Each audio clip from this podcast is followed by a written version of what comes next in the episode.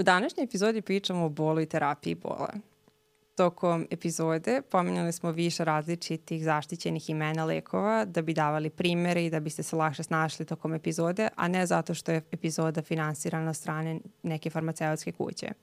Takođe, cilj ove epizode nije da posluži kao vodič tokom odabira terapije i odabira samo, i samostalnog odabira lekova, već više da bude informativnog karaktera.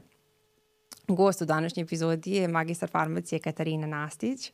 Ona je student doktorskih studija, asistent na katedri za farmakologiju na Farmaceutskom fakultetu Univerziteta u Beogradu i odgovorit će nam na pitanje šta je to zapravo bol i koji lekovi se koriste u terapiji istog.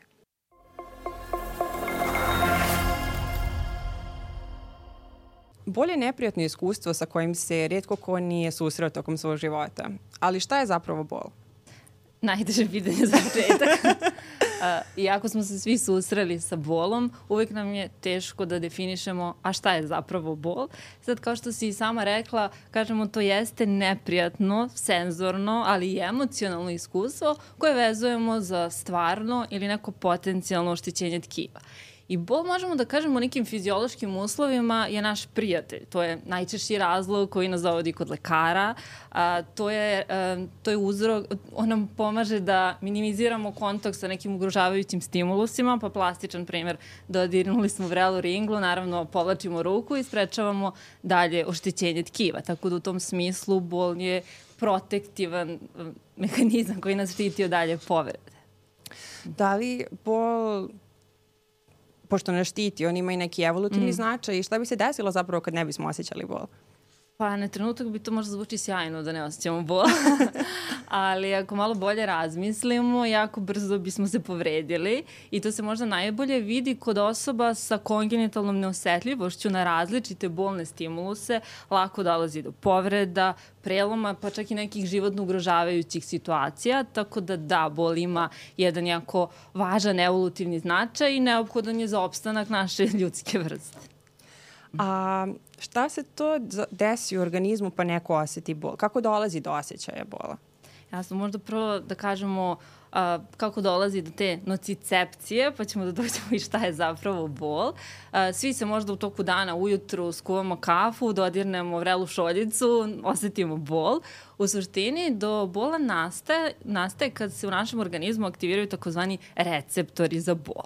Mi ih zovemo nociceptori od reči nocere, što znači povrediti se, oštetiti se i oni se praktično nalaze svuda po našem organizmu i uh, aktiviraju se selektivno sad, samo kada naš organizam deluju stimulusi koji imaju potencijal da nas povrede, da dođe do nekog oštećenja. Što znači neće se receptori za bol aktivirati kada naš organizam deluje neki blagi stimulusi poput dodira, bar ne u nekim normalnim okolnostima dodir neće da dovede do nastanka bola, ipak vidjet ćemo postoje situacije kad i dodir može da bude bolan.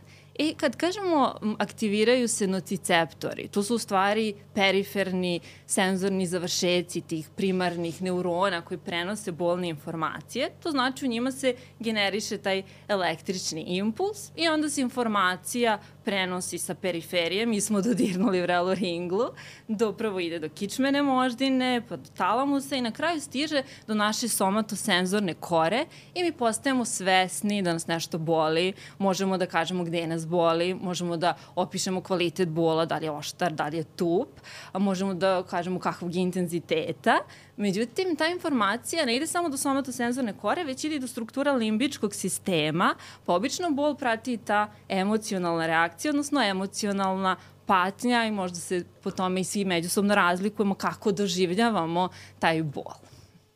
Ja bih se samo mm. nadovezala, pomenula si mm. talamus, mm. somatosenzornu koru, limbički sistem, to su sve delovi mozga mm -hmm. i ono način na koji ti him, kako, kako ti impulsi komuniciraju mm. i proizvode dalje proces mm. u organizmu.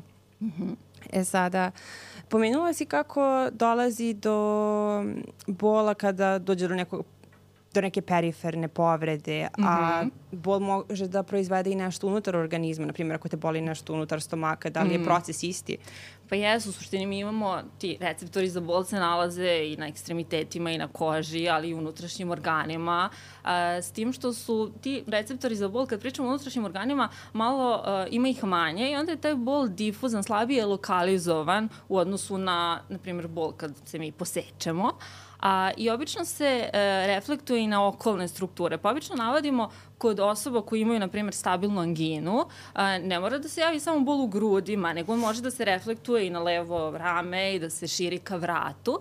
Tako da, da, može receptori za bol imamo i unutrašnjim organima, pa tako imamo ne znam, akutni pankreatitis može da bude bolan, žučne kolike, bubrežne kolike i tako dalje, akutni infarkt miokarda je izuzetno bolan. Tako da, da, može i sa unutrašnjih organa da, da vodi.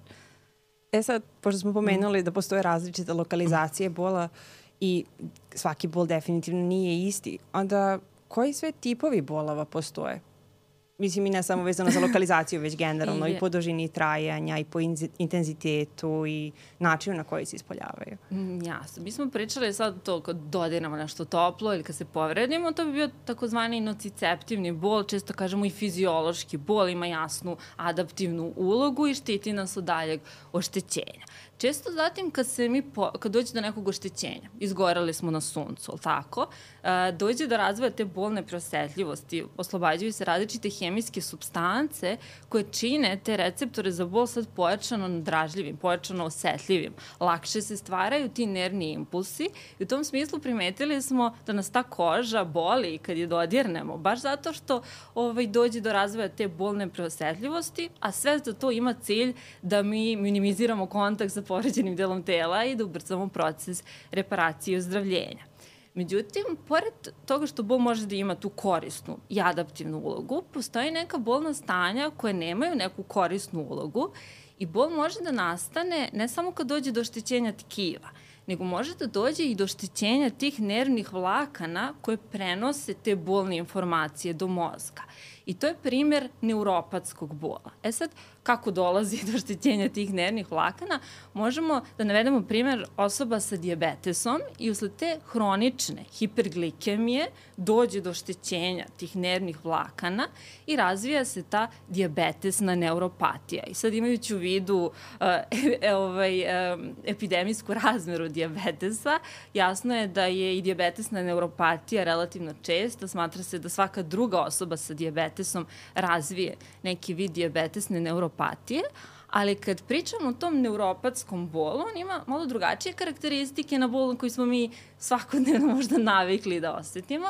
Obično ga ljudi opisuju kao oštar, probadajući, nalik električnom udaru. Često se javljaju one senzacije mravinjanje, trnjenje, bockanje. Onaj osjećaj kao kad sednemo na ruku pa prekinemo dotok krvi, to može da se javi u sklopu neuropatskog bola i ako pričamo o diabetesnoj neuropatiji, ona je obično periferna, simetrična, što znači prvo zahvat obično uh, ovaj, uh, kreće od stopala uh, i često, uh, često se javlja noću da osobe uh, e, na primer, pred spavanje e, može da se pogorša taj bol, pa često može i neki nebolni stimulus da dovede do bola, poput dodira posteljine, a, dodira prekrivača i to može da dovede do bolne senzacije, a nažalost u nekim uznapredovalim stadijumima može da dođe i do gubitka senzacije, što je jasno mnogo opasnije, što smo rekli, i nosi rizike od nekih daljih komplikacija diabetesa, tako da, da, tako da može bol da nastane i usled oštećenja tih nervnih krvnih vlakana, ne samo usled povrede tkiva što imamo. Imamo od nedavno i treću vrstu bola, to je takozvani nociplastični bol. Tu nemamo ni oštećenje tkiva, nemamo problem na nivou ovaj, nervnih vlakana, odnosno somatosenzornog sistema, ali opet osobe osjećaju bol, još uvek nam nije potpunosti razjašnjeno šta se tu dešava, ali to su uh, osobe, na primjer, koji imaju fibromijalgiju ili sindrom iritabilnih creva, može, znači, u odsustvu tog oštećenja da se javi bolna senzacija. To je jedna od podela. Mm. A, na primjer, bolovi mogu da se dele i po dužini trajanja, je li tako? Jeste. I, imamo jasno akutni bol s kojima smo se svi susreli i on ima jasnu korisnu ulogu, obično nije neki značajan problem u kliničkoj praksi. A sa druge strane imamo hronična bolna stanja, to su bolovi koji traju duže od 3 meseca i oni predstavljaju, možemo kažemo, vodeći uzrok ljudske patnje i onesposobljenosti. I kad pričamo o značaju hroničnog bola, uh, u poslednjoj 11. reviziji međunarodne klasifikacije bolesti prvi put imamo kao dijagnozu hronični bol. I to može da bude čak primarni hronični bol koji nije ovaj, posledica neke druge bolesti, simptom bolesti, nego bolest sama po sebi. Uh, verovatno možemo da kažemo da su ranije ti zdravstveni prioriteti bili usmereni na bolesti koje nam direktno skraćuju životni vek, je li tako? Međutim, danas je postalo važno da pričamo o kvalitetu života, tako da priča o hroničnom bolu jeste priča o kvalitetu života. Hronični bol nam ne skraćuje život direktno, ali ga značajno uništava, vodi nas u depresiju, anksioznost i tako dalje. Tako da jeste značajno da pričamo i o terapiji hroničnog bola i negde možda epidemiološke studije kad procenjuju uticaj bolesti na naše, na pojedinca, na njegovu uh, onesposobljenost i neko dobro stanje, uh, svakako da značaj tih hroničnih bolnih sta, stanja ima uh, negde primat što se tiče same onesposobljenosti i uticaja ne samo za pojedinca, nego i za društvo. Mi kad, ovaj, kad nas nešto boli nismo ni, ni radno sposobni, tako da nosi velike posledice i možda se tu izdvaja bol u leđima, po toj nekoj epidemijskim razmerama. E, problem su često i glavobolje u mlađoj populaciji, a kod starijih pacijenata jesu problem i bolovi usled reumatskih bolesti. Ja bih se samo nadovezala tu. A, da li postoji neka vremenska odrednica kako znaš da li je bol akutan ili hroničan? Naprimjer, ako si se mm -hmm. udario i bolite, to si se udario tri dana, je li to već hronični bol? Jer hronični bol je nešto što traje duže od akutnog ili nije? Jeste, slažem se. A, pa negde nekim konsenzusom je uzeto da je hronični bol bolno stanje koje traje duže od tri meseca, tako da svakako nakon te neke povrede o, nije, nije u pitanju, nisu u pitanju hronično bolno stanje. I imam još dve, dva brzinska komentara na osnovu ovo što si rekla. Prvo je, uh, sviđa mi se što si, što smo, što si iznala, izvini. sviđa mi se što si rekla da to trenutno se hronični bol prepoznaje kao bolest, ali zapravo se u većini slučajeva bol registruje kao simptom, mm -hmm. jer to znači da nešto u organizmu mm. nije u redu i onda se manifestuje kao bolno iskustvo, a nije bol redko kad je zapravo bol sam po sebi bolest. Mm -hmm. yes. I da li akutni bol može da pređe u hronični? A, po većini slučajeva Mislim, sakutni bol uspešno leči, da. Je li tako? Ovaj, svi smo mi imali nekad neki akutni bol, epizodičnu glavobolju, ništa se nije strašno desilo. Međutim, postoje izvestan broj osoba kod kojih akutno bolno stanje može da pređe u hronično i to imamo, na primjer, na primjeru epizodičnih glavobolja koje mogu da pređu u hroničnu formu.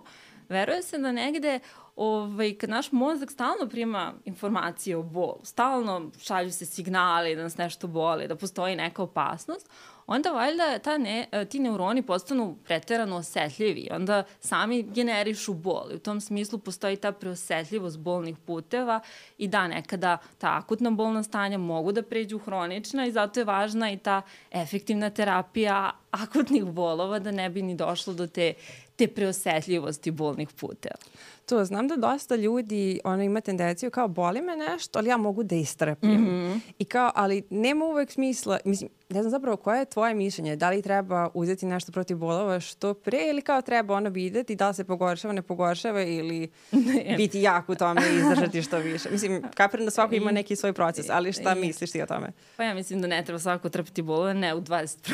veku. mislim da ta naša kultura trpljenja nije dobra i može da nas dovede i do ovaj, eto, nekih hroničnih bolnih stanja. A, svakako ne treba ni zloupotrebljavati analgetike, ali ne treba ni trpeti kad je indikovano, treba uzeti lek protiv bolova i treba uzeti što pre, znači dok je bol blaga, tome ćemo da pričamo, mnogo lakše da se leči, dok je manjeg intenziteta, kad se pojača, onda je teže i analgeticima da deluju. E sad, pošto je bol to neko subjektivno iskustvo, ne postoji neko ko ono može da, kao da ti meri temperaturu da vidi koliko te jako boli. Da li postoji neka podela bolova i prema intenzitetu, kao kako se to ogleda? Pa svakako mi kažemo da ne znam, bolevi neki, jako, jako nama možda deluju intenzivno, ali nekog blažeg, umerenog intenziteta jesu neki glavobolje, bol ovaj, zubobolja, bol u leđima i tako da, mislim, ali naravno da tu postoji ta individualna percepcija i naše subjektivne osjećaj, dok mi neki bolovi jakog intenziteta bili posle nekih preloma, fraktura, opekotina, ne znam, neko doživi saobraćajnu nesreću, tako dalje, i kancerski bol koji spada u intenzivne bolove, ali dobro, spada u ta hronična bolna stanja. E, imam sad još jedno brzinsko pitanje. Pomenula si kancerski bol. Da li e, kancer često boli ili se ne dešava to uvek? Jer, znaš, ono kao ne želim da neko da. pomisli da. kao nešto me boli da nije možda rak. pa, pa, nažalost, ne, ne boli uvek, u smislu ne mora na početku da boli. Nažalost, uz napredovalim stadijumima obično boli I kad pričamo o kancerskom bolu, to nije, da kažemo, jedan entitet. Kancerski bol može da se javi isto iz različitih razloga, usled, usled same infiltracije tumorom. Uh, koštane metastaze mogu da budu bolne, ali može da dođe i do štećenja tih nervnih vlakana i usled primene hemioterapije, radioterapije. U tom smislu obično imamo mešovit bol. Imamo i taj klasičan nociceptivni, imamo i neuropatski bol i obično se tu ide na neku kombinaciju analgetika. Da. možemo da se vratimo na neki od malo zastopljenijih bolova. Naprimer, pomenuli smo da se često de, uh, dolazi do bolova u leđima, u zglobovima, glavobolja. Pa da li bi nam objasnila, na primjer, kako dolazi, naprimjer, zašto nas boli glava, kako dolazi do glavobolja? Pa zašto nas boli glava? Mislim, verovatno zato što imamo. A, znatno. E sad negde očekivali smo, očekivali bismo možda da, da glavobolja potiče od našeg moždanog tkiva, tako da, da, da se tu nalaze neki receptori za bol. Međutim, naš parenhi mozga je u velikoj meri neosetljiv na bol, Tako da taj bol kad nas boli glava potiče iz okolnih struktura, iz naših moždanih ovajnica, krvni sudovi, delovi lobanje, oni jesu senzorni nervisani imaju receptore za bol, odatle kreće bol. E sad u zavisnosti od vrste glavobolje, drugačiji su razlici, razlozi zašto ona nastaje. Negde ono najčešće glavobolja sa kojom verujem da smo se svi mi nekad susreli jeste ta tenziona glavobolja ili ti obična glavobolja ali i ona obično kreće baš iz tih mišića vrata i glave i onda ne čudi kad, ne znam, mi sedimo 8 sati za računarom, pa da, boleće nas glava, u suštini stvore se ta, uh, usled preopterećenosti mišića, uh, stvore se te neke okidačke tačke s kojih se pod izvesnim uslovima oslobađaju neki hemijski medijatori koji dalje povećavaju osetljivost tih neurona bolnog puta, od tuda bol, kod te tenzione glavobolje, međutim ne mora samo da bude usled nefiziološkog položaja tela, često može da nas boli glava, to smo primetili, ili tako, kad malo pretaramo sa alkoholom, usled dehidratacije, može da nas boli glava ako smo premalo spavali, bar mene, ali može da nas boli glava i ako smo previše spavali, a, može da nas boli glava ako smo preskočili obrok i tako dalje i tako dalje. U suštini, svako kod sebe bi trebalo da prepozna koji su to kidači ako može da ih izbegne, naravno da ne možemo uvek da ih izbegnemo, ali se eto trudimo da ne znam, unosimo dovoljno tečnosti.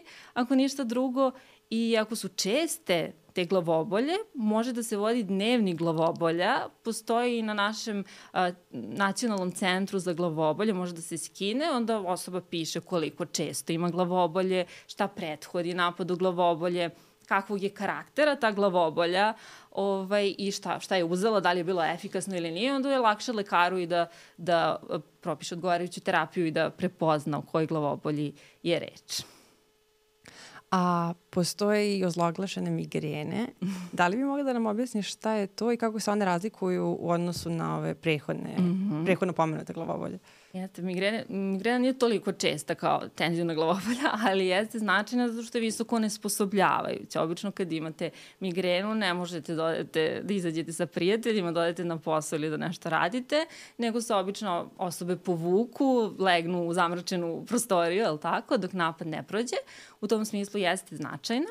A, I obično kad pričamo o razlikama između tenzion, glavobolje tenzijonog tipa i migrene, ovaj, glavobolja tenzionog tipa, svi smo je nekad imali, obično ima taj pritiskajući karakter. Imamo otis, više se osobe žale da imaju neki pritisak u glavi koji zahvata ovaj, obe polovine glave, kao da imamo neki obruč oko glave, za razliku od migrene koja najčešće zahvata jednu polovinu glave i ima taj pulsirajući karakter. Migrena svakako jeste intenzivnije bol, ali moramo da kažemo da je migrena mnogo više od glavobolje.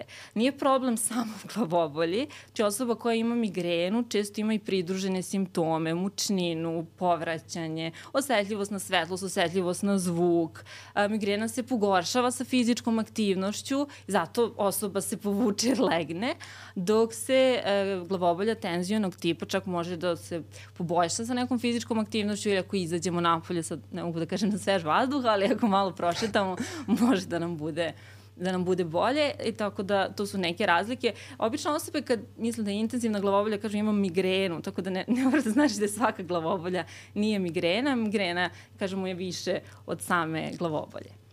Kad smo kod migrene, zapravo pitala bih se da li možeš da nam objasniš i kako funkcioniše migrena sa aurom i bez aure, jer znam da si o tome dosta priča, ali ne znam koje su najnovije informacije na tu temu zapravo. Pa da imamo najčešće svakako migrena bez aure, ali migrena sa, aur, sa aurom se javlja kod neke trećine osoba sa migrenom i aura je u stvari su, to je prolazan period nekih neuroloških simptoma koji možemo da kažemo najavljuju glavobolju tom iskusnom pacijentu I ta aura može da bude šarenolika, najčešće je vizuelna, najčešće ima neke ispade u vidnom polju, da li je to neka blještava svetlost, cik-cak linije, uh, gubitak vida u delu vidnog polja, ili često možemo da vidimo kao, uh, imamo tu fortifikaciju spektra, da vidimo delove tvrđave, primjer, tvrđave kalemegdana ovaj, u vidnom polju.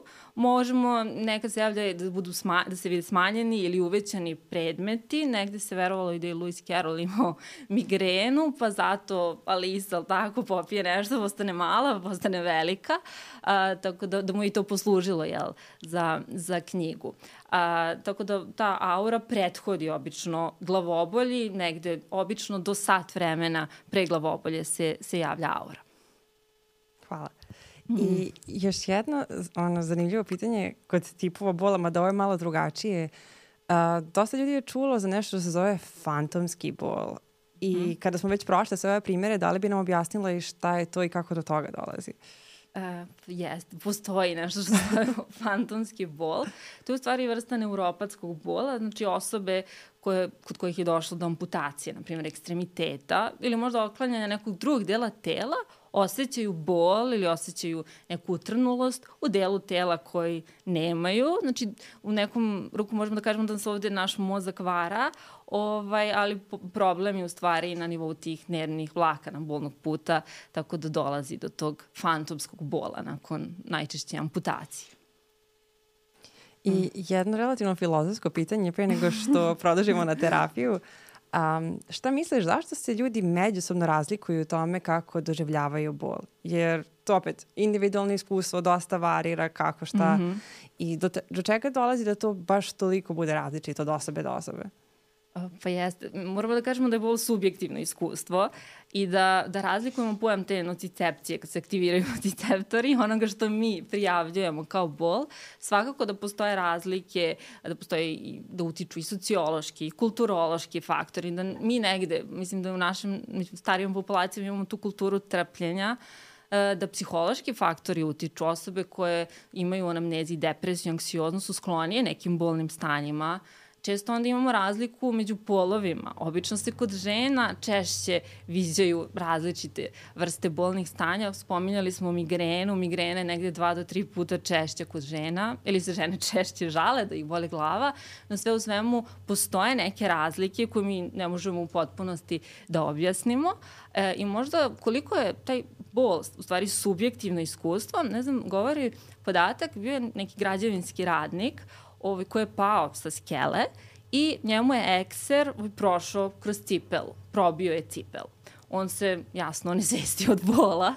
Međutim, kad su ga doveli u bolnicu, kad su izuli cipelu, videli su da je ekser u stvari prošao između prstiju i da njega uopšte nije povredio. Tako da ono što mi zovemo bolom i ono što se stvarno dešava ovaj, a, postoji to razmimo i laženje i često se navodi primer i pacijenata koji imaju osteoartritis. Mi kad uradite radiološki snimak, možda se vidi da postoji veliko oštećenje, ali da to nije uvek u korelaciji sa intenzitetom bola koji pacijent osjeća, tako da svakako je uvek važno da pitamo i kako je pacijentu, a ne samo da se rukovodimo i tim diagnostičkim procedurama, jer bol jeste svakako jedno subjektivno iskustvo. Dakle, kako je bol obično samo simptom, odnosno iskustvo pojedinca, nešto što samo taj individualac oseti i nešto što se može dovesti u vezi sa većim izazovom koji postoji u organizmu, tako su i analgetici, odnosno lekovi koji se koriste u terapiji bola isključivo simptomatska terapija i ne deluju na uzrok nastanka bola. I iako uvek ima smisla baviti se uzrokom pre nego posledicom, ono što smo pričali na početku, bolje jako neprijatno iskustvo i zbog toga su razvijeni lekovi koji mogu da ublaže osjećaj bola. E sad, koji se sve grupe lekova koriste u terapiji bola?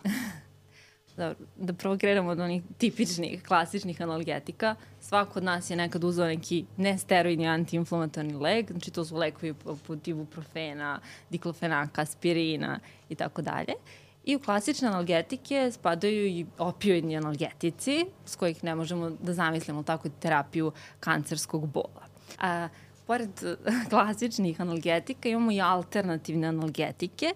To su lekovi čija primarna indikacija nije terapija bola, ali su našli svoje mesto prevashodno u lečenju onog neuropatskog bolnog stanja i ovi kod hroničnih bolova. I najpoznatiji alternativni analgetici jesu antidepresivi i antiepileptici koji su lekovi prve linije baš za lečenje neuropatskog bola. Znači ako imamo neuropatski bol nećemo da ga lečimo aspirinom ili ibuprofenom, nego koristimo neke druge analgetike. I takođe kod alternativnih analgetika mogu da se koristi mm -hmm. lekovi, na primjer, protiv grčeva, ili, odnosno spasmoli, spasmolitici mm -hmm. i mhm. još par drugih lekova, na primjer triptani za migrenu. Dobro, ali, ali da, da. da. Ali hajde onda da krenemo zapravo redom od klasičnih, odnosno tipičnih analgetika. Spomenuli smo nesteroidne antiinflamatorne mm -hmm. lekove, odnosno NSAIL. NSAIL. E sad, u, to spadaju ti što ih svi znaju. Znači paracetamol, aspirin, ibuprofen, poznati kao brufen. Mm -hmm.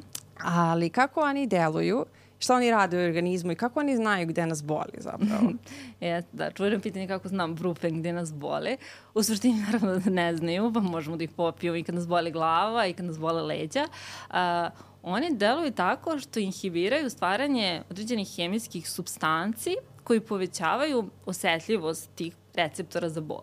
Znači, kad dođe do nekog oštećenja, kad dođe do neke povrede, oslobode se te hemijske substance koje mi zovemo prostaglandini i oni povećavaju osetljivost tih receptora za bol prema drugim stimulusima i zato onda može nekad i dođe da bude bolan i tako dalje kad dođe do razvoja te bolne preosetljivosti i u suštini lekovi poput ibuprofene, aspirina inhibiraju stvaranje tih prostaglandina i na taj način ostvaruju svoje analgetičko dejstvo. A isti ovi lekovi se koriste i kod povišene temperature, je li mm -hmm. tako? Kako, kako lekovi mogu da deluju na, i na bol i na povišenu temperaturu? Da, najčešće se koristi ibuprofen i paracetamol. Po suštini, uh, prostaglandini nisu samo važni medijatori bola, nego doprinose i nastanku povišene telesne temperature, doprinose i nastanku otoka, zapaljenja, tako da mi u suštini inhibiramo stvaranje prostaglandina na više nivoa, u tom smislu smanjuju i povišenu telesnu temperaturu. Ukoliko ona povišena, neće uticati ako je ona normalna, nema, nema tih prostaglandina. I baš zato se lekovi zovu nesterilni antiinflamatorni lekovi. Lekovi, jest jeste. I, e, za razliku od paracetamola koji jeste analgetik, jeste antipiretik, ali nema to antiinflamatorno dejstvo, pa se smatra malo manje efikasnim ako su kod nekih bolnih stanja sa tom inflamatornom zapaljenskom komponentom. A pomenuli smo i opioide, da li i oni isto ovako deluju? kao nesteroidni, an, nesteroidni antiinflamatorni lekovi, odnosno NSAIL. NSAIL. Uh, po suštini oni deluju tako što aktiviraju svoje opioidne receptore. Ti opioidni receptori se nalaze na više mesta u tom putu bola i uh, aktivacijom svojih obično mi, opioidnih receptora, oni, koče, oni inhibiraju oslobađanje tih nekih hemijskih substanci koji prenose bolne informacije, znači smanjuju tu neurotransmisiju, a, takođe smanjuju verovatnoću da se generiše taj nervni impuls, u neuronima i da se prenese ta bolna informacija ovaj, ka kori velikog mozga, ali opioidi se razlikuju od nasajlova što deluju na tu emocionalnu komponentu bola, odnosno deluju na te strukture limbičkog sistema. Tako je, oni se vezu u organizmu kao ono, ključ brava i aktiviraju procese, odnosno mm. koče zapravo mm. procese koji prenose bol. bol. A kada onda neko bi koristio Nasail, a kada bi neko koristio opioide? Kao u kojim situacijama se biraju ove grupe mm -hmm. lekova? Obično kod nekih bolova, kažemo, blažeg do umerenog intenziteta koristimo Nasailove svi smo koristili neki, da li zato što nas je bolela glava, zub ili uh, devojke svakog meseca zbog menstrualnog ciklusa. A kad pričamo ovaj, o opioidima, koriste se kod akutnih bolova nekog velikog intenziteta. Znači, rekli smo već neke opekotine, frakture, prelomi. Čak kod akutnog infarkta miokarda se daje morfin. A kad pričamo o nekim hroničnim bolnim stanjima, a, najznačajnija uloga jeste u terapiji kancerskog bola, dok što se tiče drugih hroničnih bolnih stanja, njihova primjena se uglavnom izbegava zbog potencijala zloupotrebe do kojih mogu da dovedu opioidi. A, mislim, kako dolazi do zloupotrebe? Ajde, kad smo već pomenule, kao... Mm, da, pa, pa sad mi, do duše mi, mislim, naše društvo nema taj problem, valjda mi smo, da kažemo, opioidopobno društvo, ali vidimo da, da u Americi ovaj, da, da. imamo veliku ovaj, opioidnu krizu i svakako nije indikovano da opioide dajemo kad vadimo umnjak, ali kad im je mesto, gde im je mesto svakako uh, jesu važni. Ne, znam da onako, mhm. baš zbog opioidne krize, dosta mm -hmm. ljudi ima tu neku, neki negativni utisak kada je u pitanju farmaceutska industrija, mm -hmm. zato što opioidi su lekovi koji mogu da izazivaju zavisnost. Mm -hmm. I I u tom smislu onda ljudi ono, očekuju da farmaceutska industrija pravi lekove koje ljudi mogu da se navuku da bi povećali proj, prodaju lekova. Mislim što je tragično i strašno što neki lekovi mogu da dovedu do zavisnosti, ali, ali zapravo, mislim, ovi lekovi stvarno su jako efikasni i kada se koriste u pravim situacijama, mm. odnosno kada su jači bolovi, oni imaju ono, nezamenjiv utica i značaj. Međutim, opioidi mogu da mislim, onda, zna, na primjer, neki opioidi se nalaze u lekovima protiv kašlja. Mm -hmm. Kako, ne. kako se to opravdava? pa dobro, tu se nalazi se kodein, on jeste slabiji opioid, on se koristi za supresiju kašlja. Ali kodein imamo i u kafetinu, mislim, koji, koji mnogo ljudi pije, tako da on spada u te slabe opioide. Ne bi trebalo da ima veliki potencijal zloupotrebe. Dobro, pomenuli smo nesteroidne antiinflamatorne lekove, objasnili smo opioide um, i dala si primjer, znači može da se koristi morfin. Koji još se opioidi koriste? Pa imamo oksikodon, fentanil, uh, poznati su oni flasteri sa fentanilom za upravo terapiju tog uh, kancerskog bola, nekog konstantnog intenziteta. Uh, ove, što se tiče slabijih opioida, nešto što ajde možda češće se koristi kod nas, često spominjamo tramadol, odnosno i trodon, koji može da se koristi, ne znam, i kod bola, pričat ćemo i kod reumatskih bolesti, kod osteoartritisa se nekada ovaj, preporučuje tramadol. I imamo slabi opioid kodein koji često nalazimo u tim kombinovanim analgetičkim preparatima, kao što si sama rekla, za supresiju kašlja. I, na primjer, ima ga u kafetinu. Ima ga u kafetinu, da, da.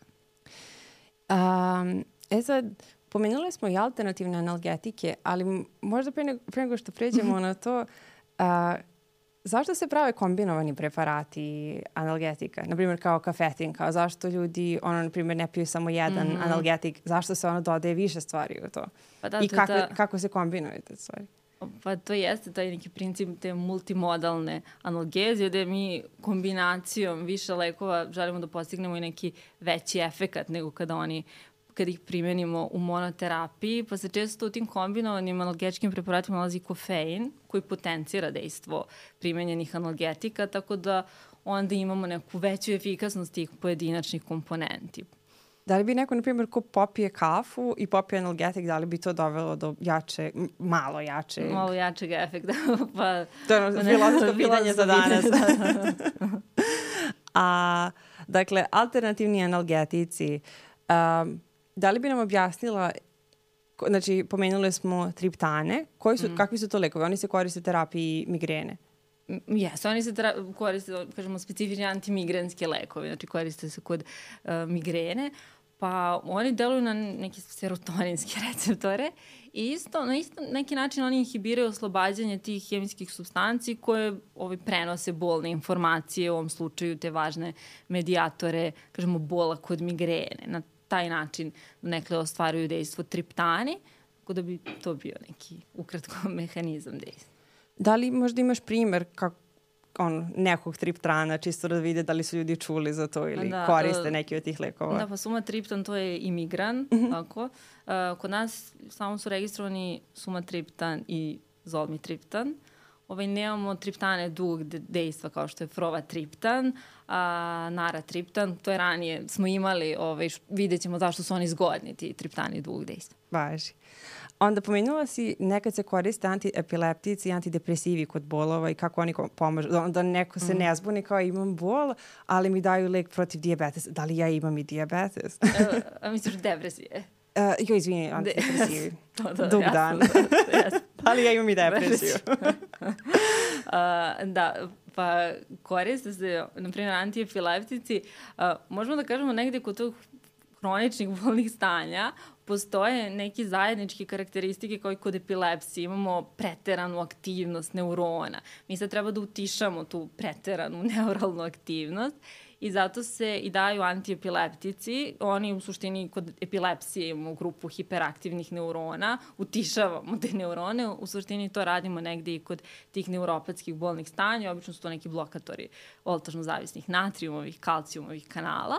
Što se tiče antidepresiva, uh, oni koriste se oni antidepresivi koji povećavaju nivo noradrenalina i serotonina.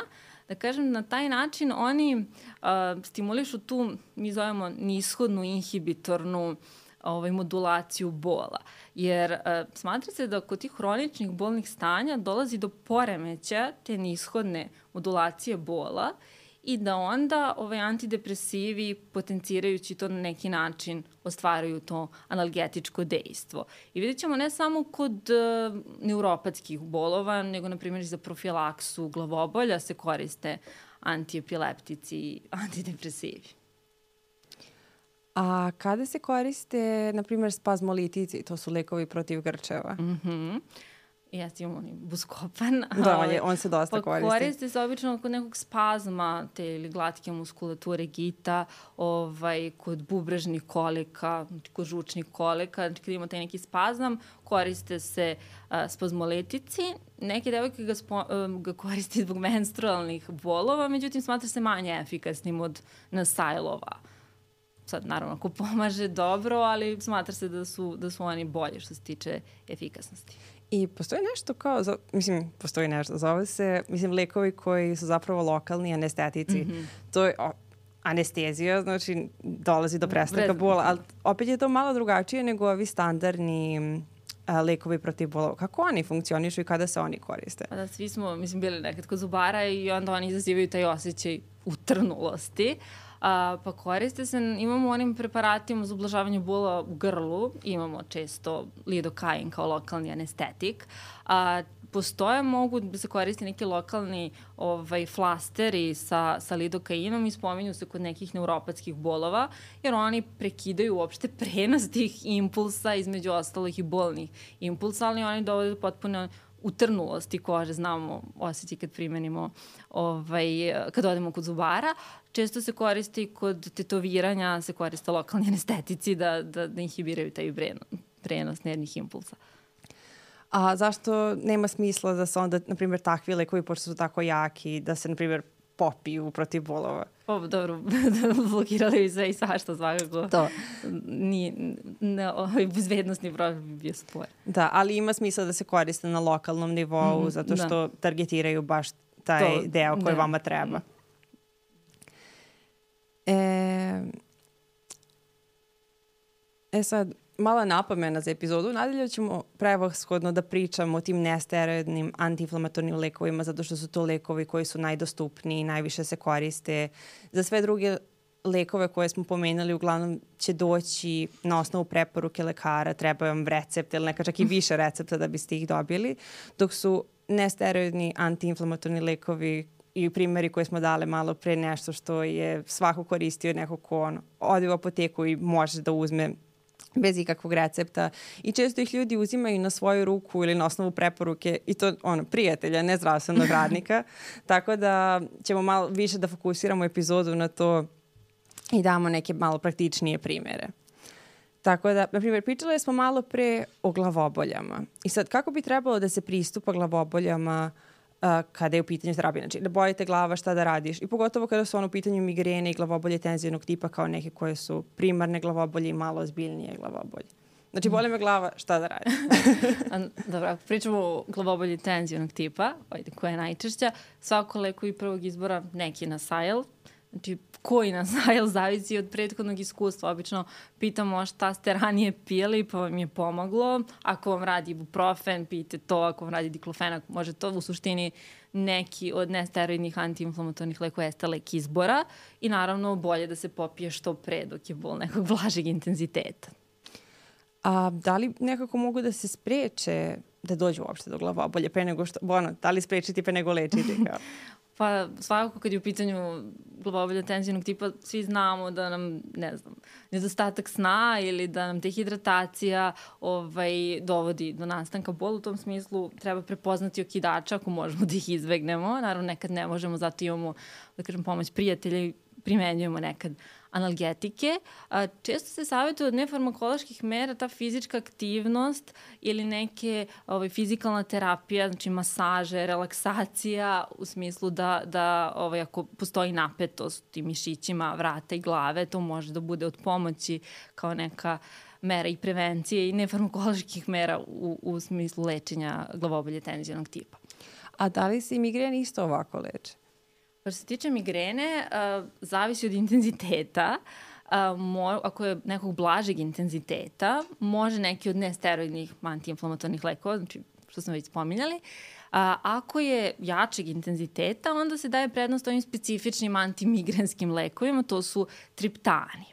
E, e sad, isto se postavlja pitanje kad uzeti lek, to je isto jako važno da se uzme što pre, znači čim krene da boli glava, zato što ako se čeka, onda je mnogo teže analgetiku da deluje i obično migrena nije na početku tako intenzivna. Obično se taj bol postepeno povećava, tako da čim se javi glavobolja treba, treba uzeti neki, neki analgetik. A šta ako izostane efekat leka? Mm -hmm. Sad, efekt može da izostane iz različitih razloga. Možda nismo uzeli ovaj, dovoljno visoku dozu. A, kad pričamo o ibuprofenu, možda neće da bude dovoljan ibuprofen od 400, nego treba uzeti od 800 ako je intenzivnija glavobolja.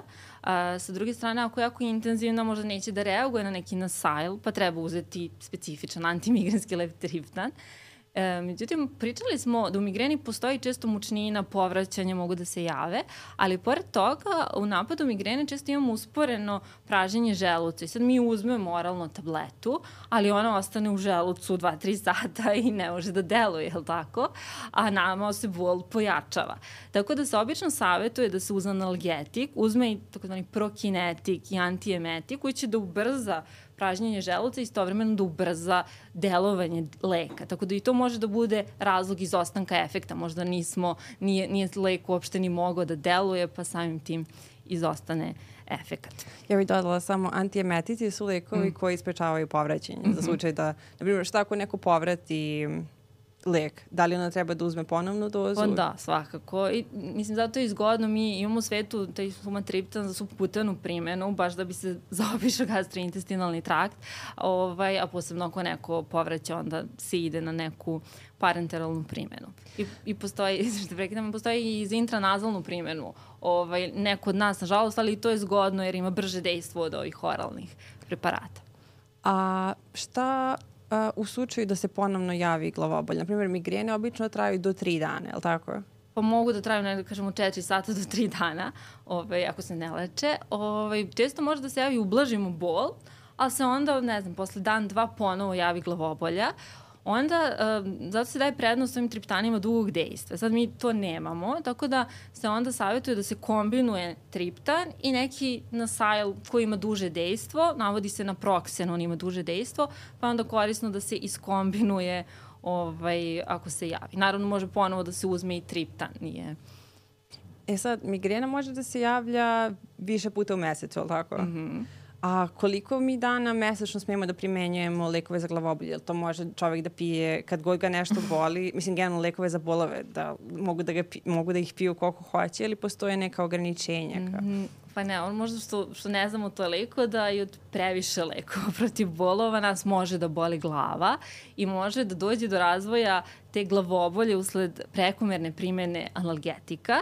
E sad postavlja se pitanje šta je to previše, da li je to 2, 3, 4 puta nedeljno. A, zavisi o kojim lekovima pričamo. Ako pričamo o nasajlovima, njihova primjena treba da bude ograničena ne više od 14 dana mesečno. Ali kad pomislimo 14 dana mesečno, znači skoro svakog drugog, drugog dana, dana te da. boli glava, znači nešto nije u redu, treba da odeš kod lekara. A, a kad pričamo o ostalim lekovima, mislimo na triptane, a, kombinovane analgetičke preparate, na primjer kafetin ili ovaj, opioidne analgetike, da njima nije ovde mesto, ne bi trebalo više od 9 dana u mesecu, jer onda može da dođe do te glavobolje usled prekomerne primene analgetika i to je jedna hronična forma glavobolje, što znači osobu skoro svakog dana boli glava i onda se nalazimo u začaranom krugu mi pijemo lekove protiv bolova, povećavamo doze, kombinujemo sve i svašta da bi umirili taj bol i ovo je u stvari jedino rešenje da se prestane sa, sa primenom analgetika. A kako dolazi do, do te refleksne glavobolje? Kao, šta se dešava u organizmu? Dešava? Pa na, mora da postoji neka pre toga epizodična forma, ne znam, da li tenzijone glavobolje, da li migrene i onda se smatra da, ne znam, usled te prekomerne primene analgetika iz nekog razloga dođe do prekomerne osetljivosti tih puteva bola i do razvoja ove glavobolje usled prekomerne primene analgetika. Zato je važna edukacija pacijenta da ne uzimaju za svoju, svoju ruku toliko često, odnosno da zlopotrebljavaju lekove. Ako neko ima potrebu da svakog drugog dana pije lek protiv bolova, možda bi trebalo da ode kod lekara i da vidi možda kandidat za neku profilaktičku terapiju, a ne, ne da na svoju ruku koristi ovaj, tako često. A da li se to može tumačiti kao neki vid fizičke zavisnosti, na primjer, ono, tebe nešto boli, aktiviraju se receptori i onda ti daš lek koji to ublaži i onda ti što više lekova daješ, a tvom organizmu nešto ne valja mm. i onda tvoj organizam, baš zato dolazi do te mm. povećane mm. osetljivosti jer tvoj organizam pokušava ti komunicira, e, meni nešto boli, mm. ja imam neki problem i zbog toga dolazi do te preosetljivosti i onda se ulazi u začarani, začarani krug. krug.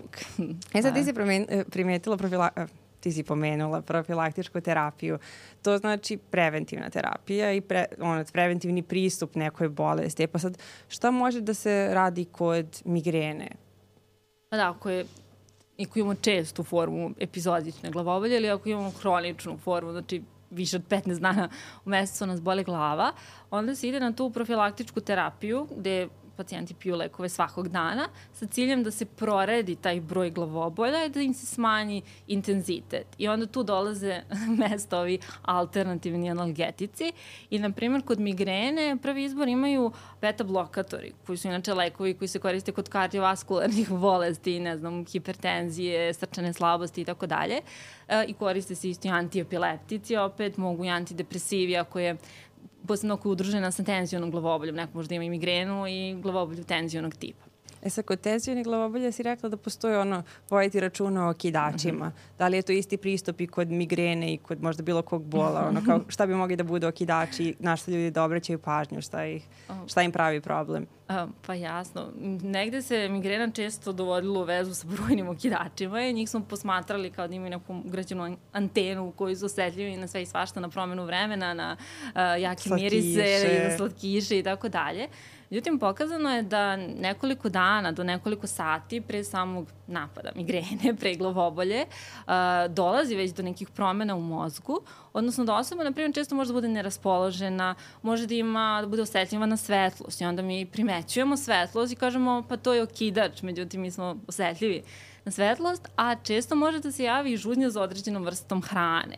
I onda imamo potrebu da jedemo slatkiše, pa se često ta čokolada dovodila u vezu kao krivac za migrenoznu glavobolju. Mislim da sad možemo da kažemo da nije kriva u suštini čokolada, da je to već počeo napad, a i da je kriva čokolada, ne znam da možemo da izbegnemo.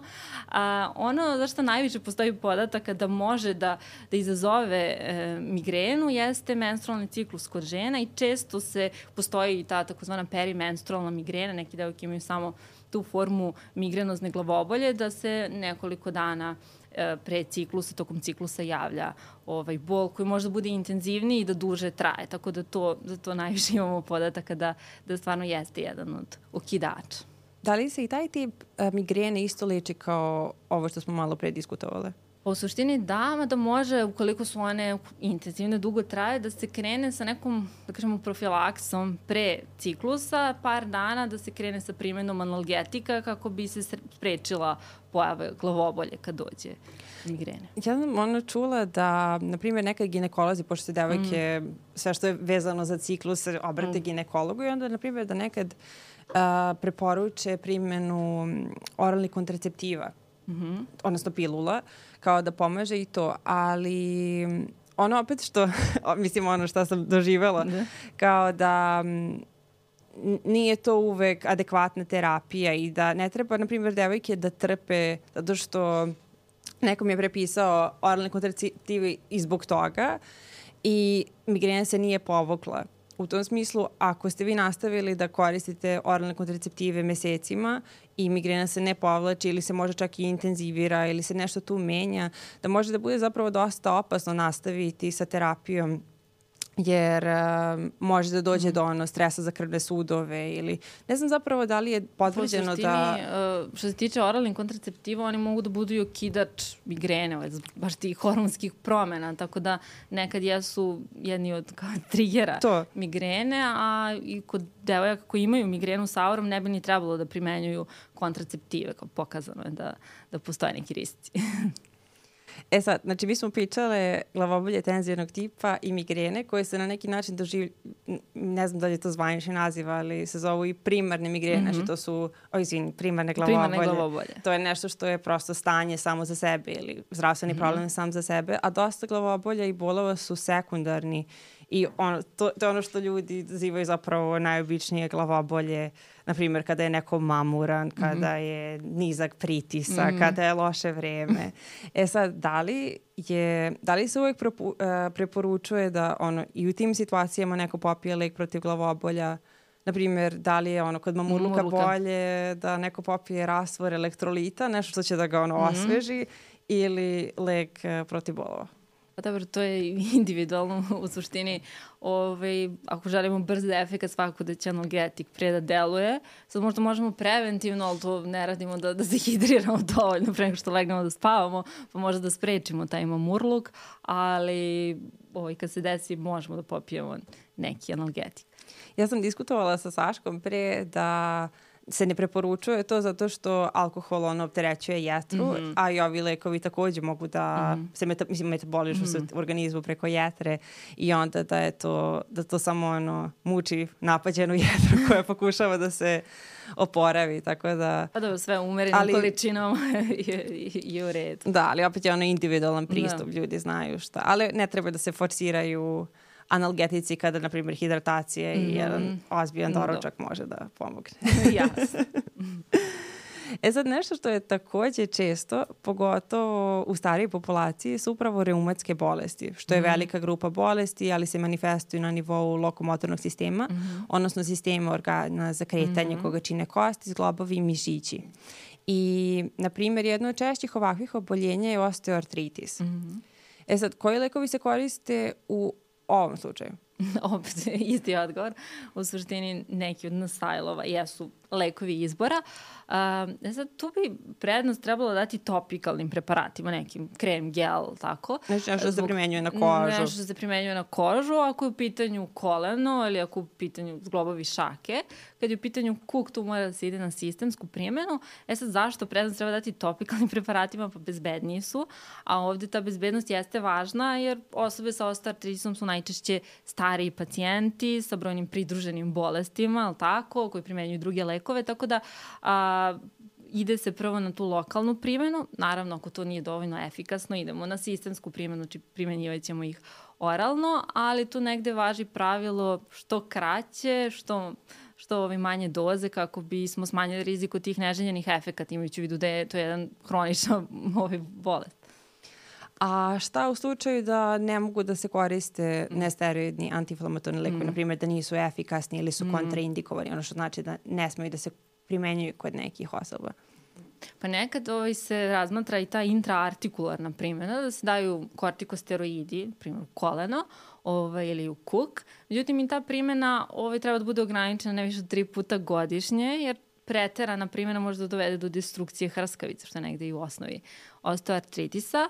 A, može da se razmotri tramadol, on je opijeni analgetik koji smo spominjali, ovaj, može ovaj, da se uh, uh, može da se razmotri i kapsaicin nekad preporučuju da se maže eventualno to nešto od tih. E, takođe, nekad se spominje jedan antidepresiv duloxetin da može da se koristi kod bola kod osteoartritisa i nekih drugih mišićno-skeletnih bolova.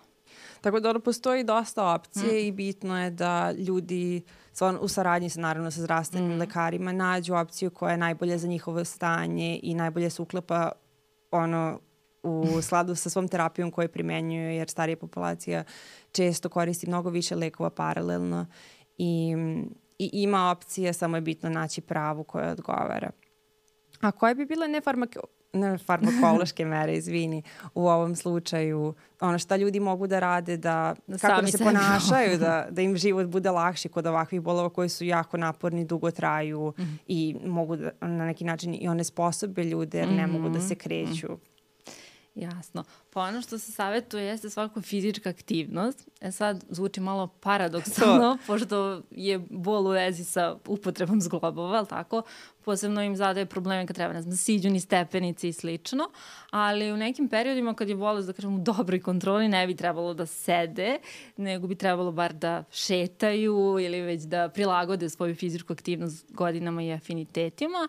I još nešto što jeste značajno jeste to smanjenje telesne mase. Znači, gojaznost jeste važan faktor rizika za osteoartritis, valjda tako opterećuju se ti zglobovi, tako da kod osoba koji su gojazni savjetuje se da smanje telesnu masu, mislim, zbog drugih benefita, ali da malo rasterete te zglobove i to može da poboljša tu funkcionalnost a, i bola.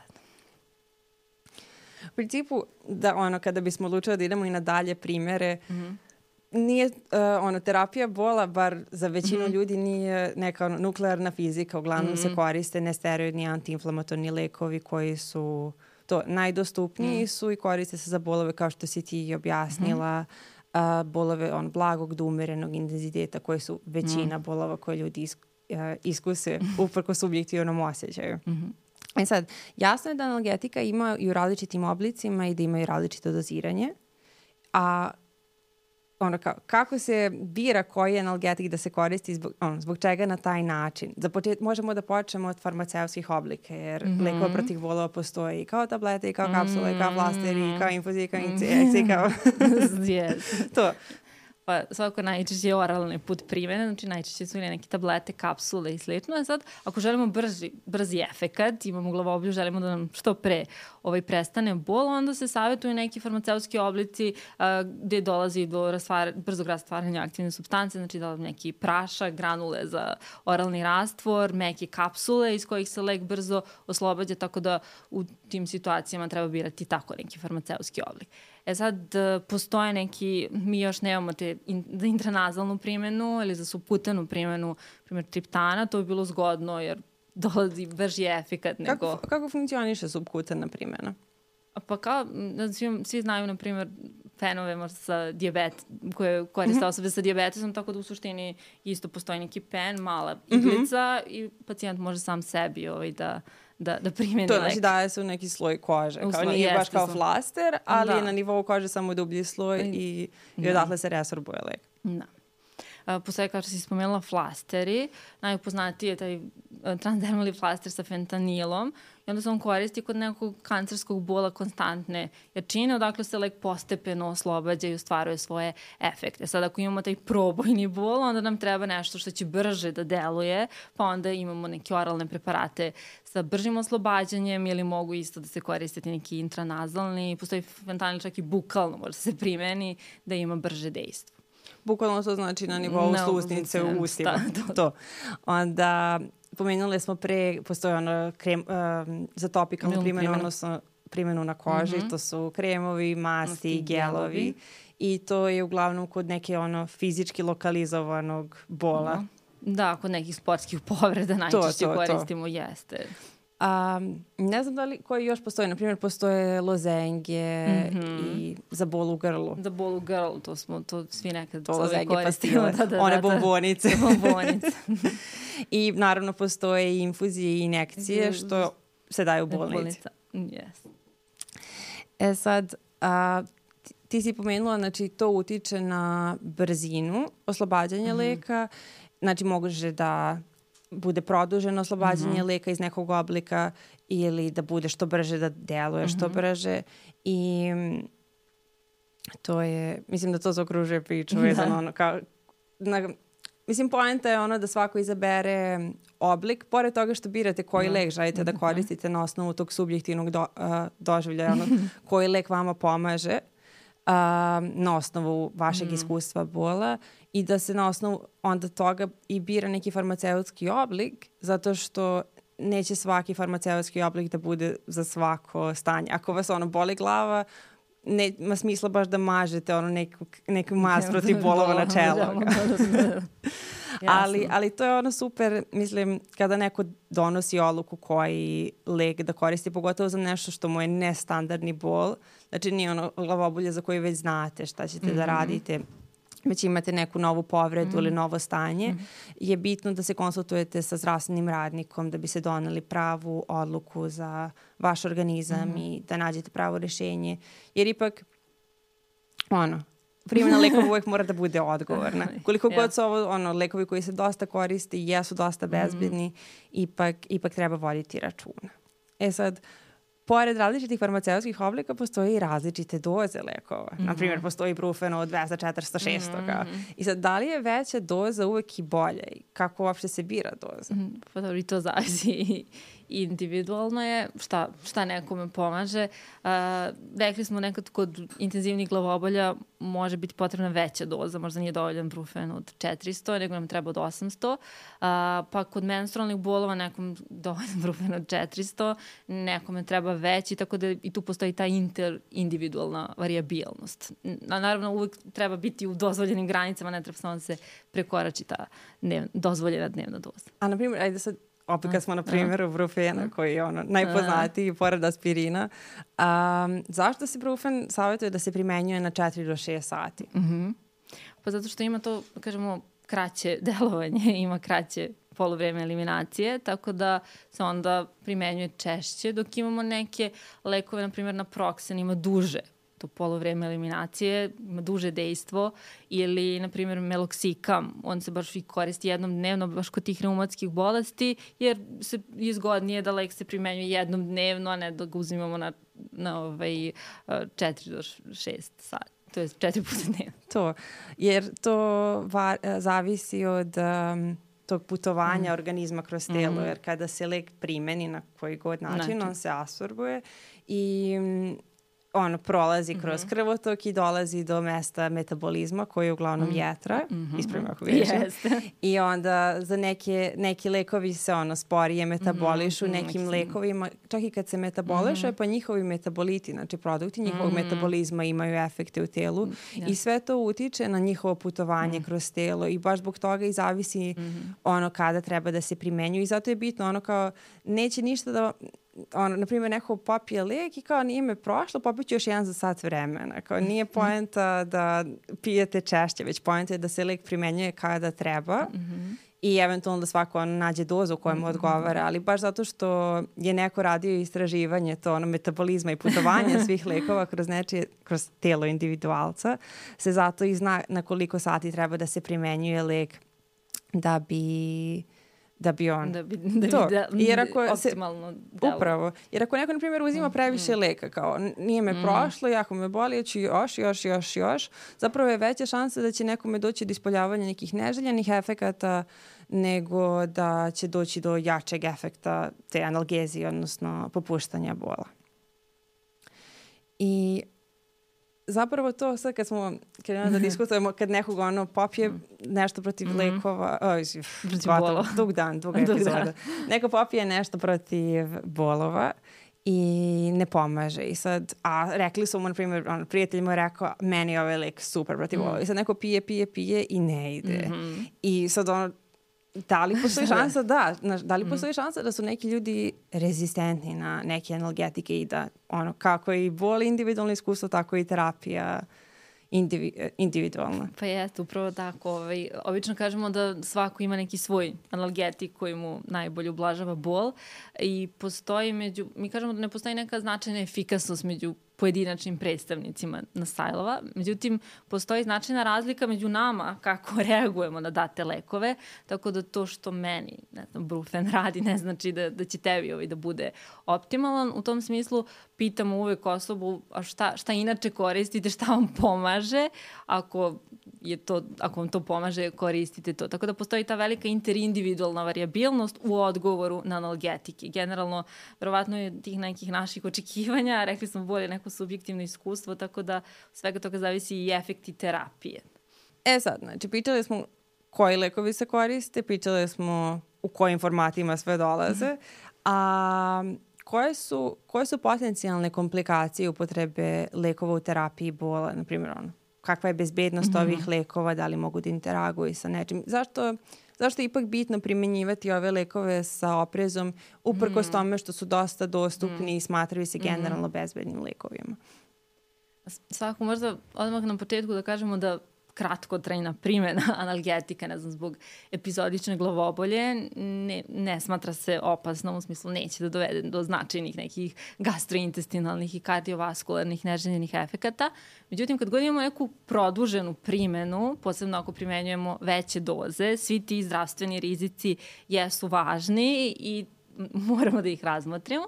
A, naravno, ono što se vezuje negde za, na sajlove jesu ti efekti na nivou gastrointestinalnog sistema i na nivou kardiovaskularnog. Kad pričamo o gastrointestinalnim neželjenim efektima, a, najviše se plašimo da dođe do razvoja ovaj, a, ulkusa, pa čak sa krvarenjem gastrointestinalnog trakta, E sad, uh, rekli smo da se ovi lekovi međusobno ne razlikuju po efikasnosti značajno. Međutim, razlikuju se po potencijalu da dovedu do ovih gastrointestinalnih neželjenih efekata. Pa tako imamo lekove koji imaju veći rizik da, da izazovu gastrointestinalne neželjene efekte. Naprimjer, ketorola, on se i koristi samo 5 dana, obično post operativno, to je onaj izodol, baš zato što ima izraženu gastričnu toksičnost. Ne znam, piroksikam ima veći potencijal. Naprimjer, diklofena, koji je tu u nekoj široj primjeni, ima neki umereni rizik, na proksen ima umereni rizik, dok ibuprofen se smatra uglavnom bezbednim i da ima mali rizik da dovede do tih gastrointestinalnih neželjenih efekata. Međutim, ako pričam uvek o nekoj produženoj primjeni, imamo pacijente koji imaju, ne znam, reumatske bolesti, piju ovaj, a, suviše često lekove, važna je ta gastroprotekcija, važno je da zaštitimo želudac i zato se savetuje da se uzimaju sa inhibitorima protonske pumpe, da bismo samanjali rizik da dođe do tog gastrointestinalnog krvarenja. E sad imam par pod, uh, pod pitanja da. Kako zapravo ti lekovi dola, dovode do opasnosti za gastrointestinalni trakt, odnosno digestivni trakt mm -hmm. i pogotovo želudac i ti si pomenula ulkus u narodu poznati kao čir. Mm -hmm. Kao kako, kako ti lekovi mogu da dovedu mm -hmm. do ono, rizika ili problema i zapravo u kom procentu dolazi do toga, ko znaš, da li je to nešto što ono, dolazi do toga često ili je redko i da li u vezi sa nečem. Izvini, imam gomilu zapravo pitanja. Da, da. Ali... da, da, da. Ovi, na početku smo negde spomenuli da oni deluju tako što inhibiraju stvaranje tih prostaglandina koji dovode do, do ove te bolne preosetljivosti. Međutim, a, ti prostaglandini nisu važni samo ovaj, medijatori bola i povišene telesne temperature, nego imaju važnu ulogu i u zaštiti te naše želudačne sluznice od agresivnog dejstva hlorovodonične kiseline, tako oni praktično predstavljaju neku odbrambenu barijeru od tog štetnog dejstva uh, HCl-a. U tom smislu, ovaj, kad mi inhibiramo sintezu prostaglandina, mi, sma, mi slabimo naše odbrambene mehanizme i onda povećavamo rizik da dođe do oštećenja i da se javi, dođe do krvarenja. Kažem, kad mi akutno uzmemo lek, to nije, nije neki veliki problem, ali kod pacijenata koji, na primer, imaju, ovi, obično kod starijih pacijenata, kod onih koji već primenjuju neke lekove koji povećavaju rizik od krvarenja na primjer, aspirin u kardiološkim dozama i neki nasail, naravno da je onda taj rizik veći, ali primenjuju antikoagulanse. Ili imaju infekciju Helicobacter pylori, veća verovatnoća da će doći ovaj, do krvarenja. Ili ako imamo prekomernu upotrebu alkohola i taj alkohol ima direktno korozivno dejstvo na našu sluznicu, kada onda udružimo to sa e, ovim lekovima, veći rizik da dođe do krvarenja i onda jeste potreban oprez u tim situacijama. I ono što možda treba da naglasimo, mi često ne znamo da li, do, da li osoba krvari iz gita. Mislim, nema, nema simptome. Često je to krvarenje simptomatsko i zato je važno da redano kontroliš krvnu sliku, da nije došlo do anemije ako imamo neku češću primenu ili da prate neke znake, znači crna prebojena stolice, jeste znak da, da možda postoji neko krvarenje koje treba ispitati. Ja bih se još nadovezala, pošto si rekla da se kod ove intenzivne upotrebe analgetika savetuje onda ta preventivna primena inhibitora protonske pumpe, odnosno mm -hmm. IPP lekova i, i to naravno na preporuku mm -hmm. lekara, ne mm -hmm. samostalno da neko uzima. A, baš zato što oni utiču na taj proces stvaranja hlorovodonične kiseline, odnosno HCl-a u želucu. Da li bi možda dodala još par detalja kao na koji način to sad utiče i zbog čega? U smislu kako deluju IPP ili... Pa to ono kao baš zbog, oni da, inhibiraju da, te protonske pumpe. Oni inhibiraju praktično stvaranje te hlorovodonične kiseline koja je tako ima direktno agresivno dejstvo na našu sluznicu u tom smislu. A kad je naša ta barijera oslavljena, onda je mnogo sklonija da se dese neke erozije, pa onda i ulkusi, pa i krvarenje u tom to. smislu uh, smanjuje rizik od krvarenja, tako da, da se savetuje istovremena primjena. Da. Ali naravno ono u mhm. skladu mm. sa preporukama Preko, to, zdravstvenih radnika. Mm. Ne mora da ljudi ono kao, mislim ti si rekla kao ako akutna primjena, kratkotrajna primjena, nešto što je trenutno, mm -hmm. ne mora svako da ono kad kupuje lek protiv mislim, glavobolje. Da, da, da, ne, ne bi ni trebalo da se plašimo, mislim ako pročitamo, a svašta možemo da pročitamo u da. sažetku, da. mislim neće, neće se desiti nakon akutne primjene, ne treba da trpimo bol, ok da uzmemo tabletu, ali ako pričamo o nekim nekoj dužoj primjeni svakako treba zaštititi slučaj. To i jako je bitno da ljudi prate sve što se dešava u telu. Ako mm. neko ima bol u želucu, mm. ako dođe do promene u mm, stolici, mm. kako, boje stolice, kao da. što si rekla, um, to su sve stvari koje mogu da impliciraju da postoji dodatni mm -hmm. izazov u organizmu s kojim, u vezi kojih je potrebno da se neko mm. posavetuje mm. sa zdravstvenim radnikom. E sad, pomenuli smo gastrointestinalni trakt, sledeći je uh, kardiovaskularni trakt. Kardiovaskularni, jeste. Ovi, pa što se tiče kardiovaskularnog sistema, obično ono čega se najviše plašimo jeste taj povećan rizik kod trombotičnih događaja. Kad to kažemo, mislimo povećan rizik kod infarkta miokarda. Sad zvuči strašno. To. ovaj, svi na sajlu u izvesnoj meri mogu malo da povećaju rizik od nastanka tih trombotičnih događaja. E, međutim, i oni se ovde međusobno razlikuju po tom riziku i treba naglasiti da je rizik dozno zavisan i naravno što mi duže primenjujemo lek, veća je verovatnoća da dođe do tog neželjenog događaja. U tom smislu najozloglašeniji su oni COX-2 selektivni inhibitori koji zovemo COX-IBI. Uh, oni su apsolutno i kontraindikovani kod pacijenata koji imaju manifestnu kardiovaskularnu bolest, ali od lekova koji su u nekoj široj upotrebi i diklofenak ima veći rizik i u tom smislu možda ljudi ne znaju, ali diklofenak ne bi smeo da se primenjuje ako mi imamo, ne znam, hemijsku bolest srca, na primjer neko ima stabilnu anginu pectoris, preležao infarkt miokarda i on je u tom smislu kontraindikovan zato što povećava rizik od tih trombotičnih događaja. E sad, postavljaju se pitanje šta, šta je onda bezbednije, šta, šta smemo da uzmemo. O, ovaj, smatra se da negde ibuprofen nekim manjim dozama do 1200 mg, negde dnevna doza je 2,4 grama, do 1200 mg se smatra da nije u vezi sa povećanim rizikom i na proksen u nekim manjim dozama nešto do 750 mg se smatra, da kažem, kardioneutralnijim. Tako da, e, tako da, kad pričamo, mi smo pričali da postoji velika interindividualna variabilnost koje je lek uzeti u zavisnosti od efikasnosti. Međutim, ako imamo ispred sebe pacijenta sa različitim komorbiditetima, onda moramo i to da uzmemo u obzir i da izaberemo lek koji ima najmanji rizik od, na primjer, kardiovaskularnih događaja ako mi imamo pacijenta koji već ima manifestno kardiovaskularno oboljenje. Tako da i ti aspekti jesu važni i zato jeste važno da se posavjetuju sa zdravstvenim razni, radnicima koji analgetik treba uzeti. E sad, trombotični događaj, to znači da može doći do nekog internog mm -hmm. ono zgrušavanja krvi. Mm -hmm. E, a na primjer aspirin koji je analgetik mm -hmm. koji se dosta mm -hmm. koristi i čak se koristi u malim dozama kod kardiovaskularnih pacijenata da bi smanjio... Mm -hmm, da bi inhibirao tu agregaciju trombocita. E sad, kako, nekim... kako, se, kako se, šta to znači?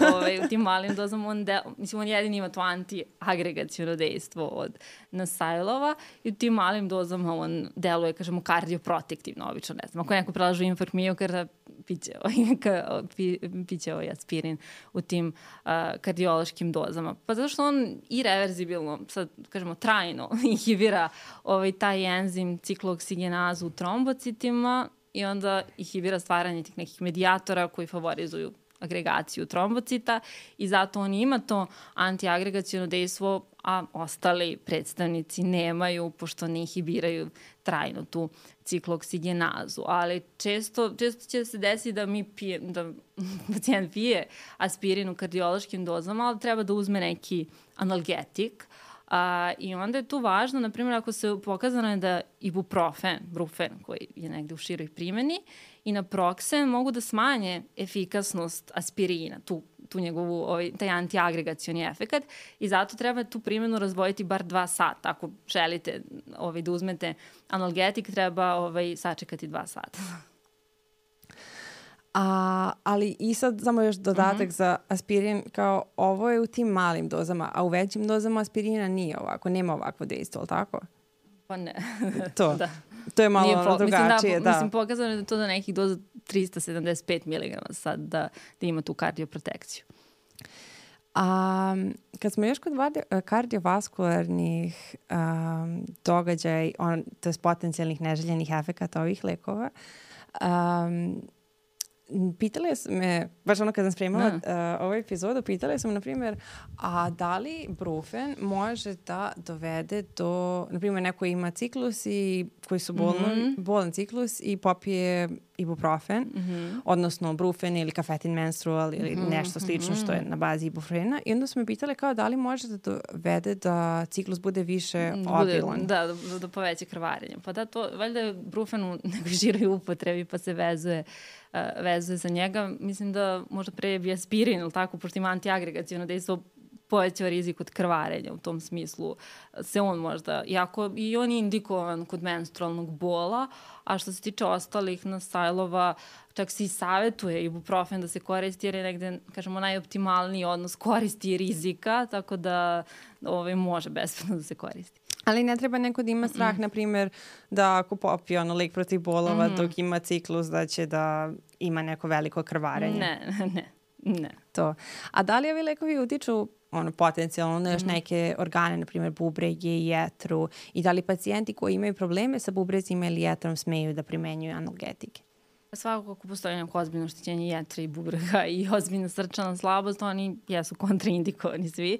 A što se tiče bubrega, može da dođe do oštećenja bubrega, ali se to redko javlja, ne znam, tokom neke obične primene. Obično se to rizik je veći ako imamo pacijente ovaj, koji već imaju neke pridružene bolesti i primenjuju druge lekove, na primjer pacijente sa srčanom slabošću, sa bubrežnom insuficijencijom, ako primenimo neki NSAIL i ako već primenjuju još neke lekove podaci inhibitora, taj rizik jeste malo veći, ali ovako u nekim normalnim okolnostima smatra se da je mali, mali rizik od bubrežne insuficijencije.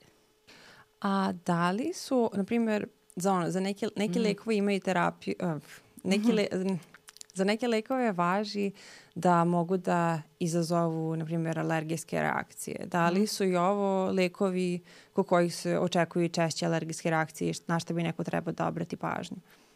Svako da postoji rizik, sigurno.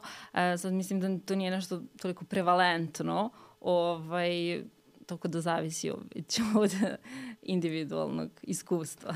da. To je, ono, da. kad smo spremali da, epizodu, da. ja sam pričala to anegdotu da. da sam čula da, na primjer, dosta ljudi misle da ima alergiju mm -hmm. na mhm. ibuprofen, mm -hmm a da se ispostavilo da su kad su bili mali, ono kad su bili bebe imali fras, dok su ono dobijali neke lekove i onda su roditelji vezali to kao ono, za, za ibuprofen. kao šok, da. da. Međutim, ovo ono, nije, nije 100% proverena informacija, tako da ne mora da znači, pogotovo ako sumnjate da imate alergičnu reakciju na nešto, nemojte da testirate to. Kao, ima pa toliko da, opcija. pa da, o dobro, duše fraz jeste izazvan tom povišenom telesnom temperaturom da. kod, ovaj, de, i onda uzimate između ostalog ibuprofen, ali nije, nije on onda uzrokovo fraz.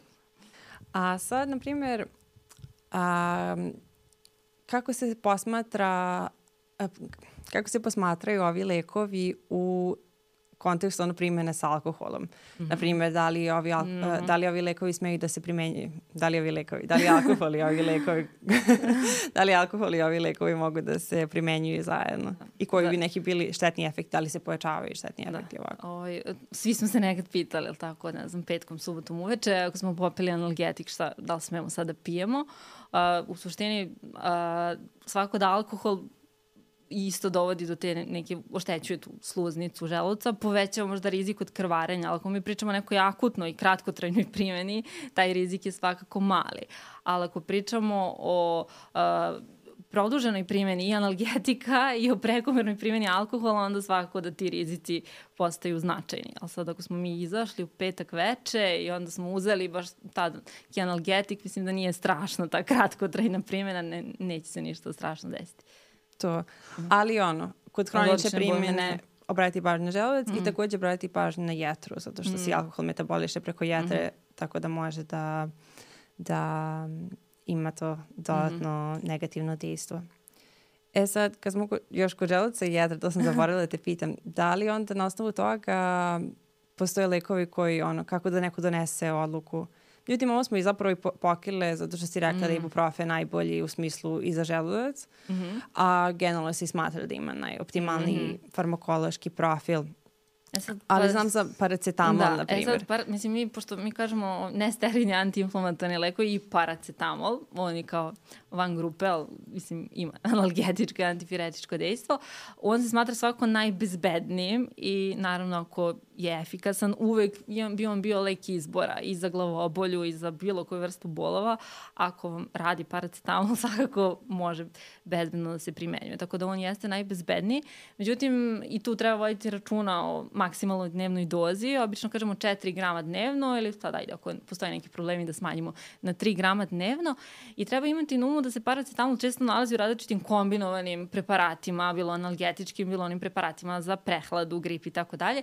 I on onda tu treba, možda osoba ne zna da je uzela više paracetamola nego što, što je planirala u tom smislu se ne prekorači ta dnevna doza jer onda može da dovede do ozbiljnog oštećenja jetre.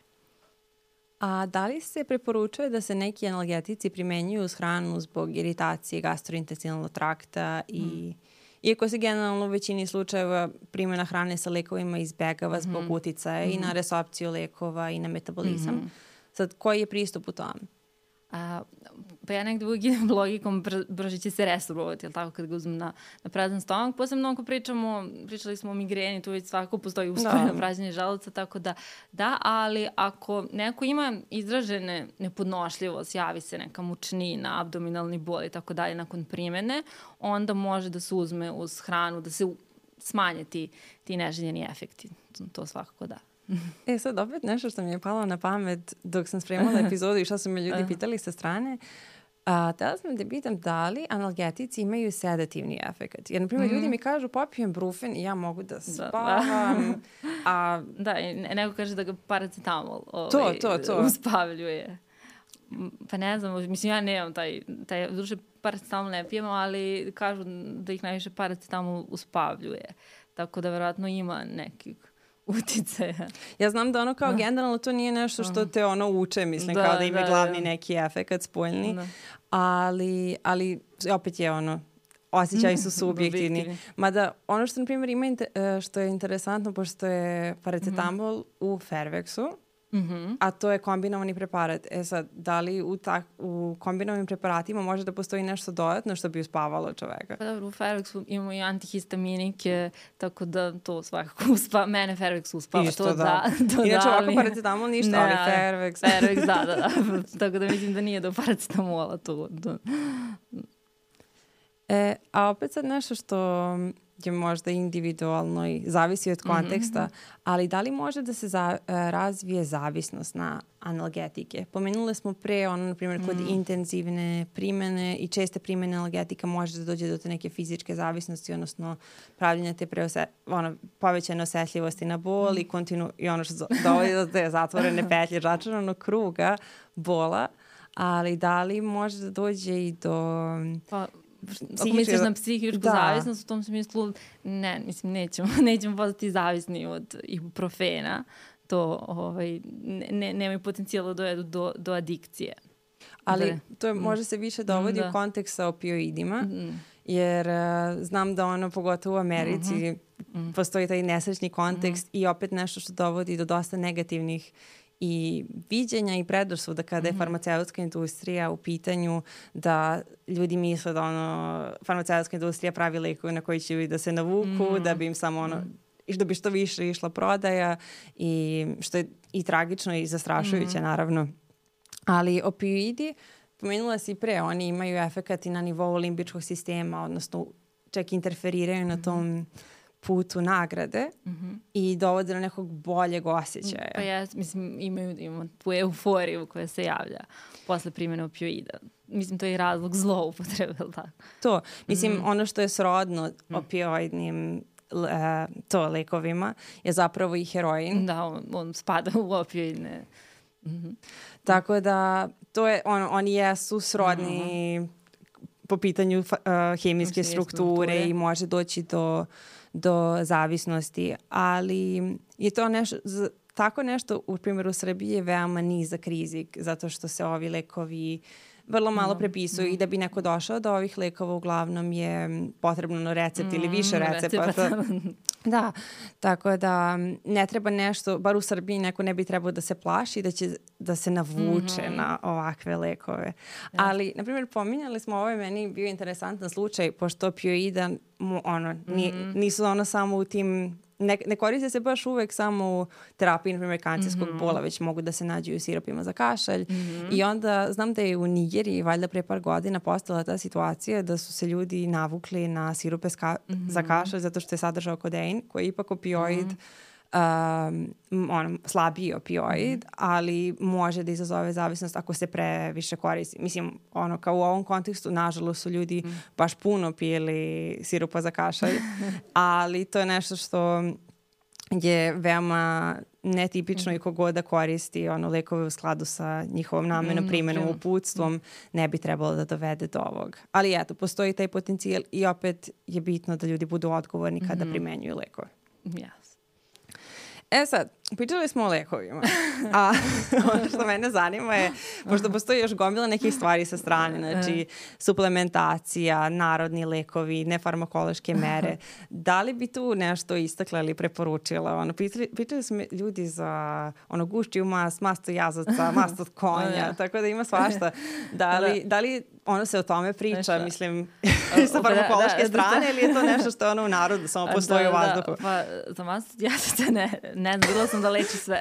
to, ja kad sam googlala masto jazaca, ono super je, znači leči Jasno. od bukvalno koji god problem da, da imate to prema, to. Ono, prema brzoj Google pretrazi masto jazaca za sve, ali naravno to da. ono niđe veze sve, mislim. pa, mislim, nisam videla sastav, nekaj sam videla neke vitamine da sadrži, ne, nadam se samo da ljudi koji imaju neko ozbiljno oboljenje lečenje, idu kod lekara. Da, to, to, to. to, to a, ta, a što se tiče ovih uh, drugih preparata, uglavnom sadrže mentol, koliko uh -huh. znam, konjska mlast, ne znam, kamfor, neki salicilati i tako dalje, tako da oni imaju, mogu da se koriste kod nekih povreda, kod nekih bolova.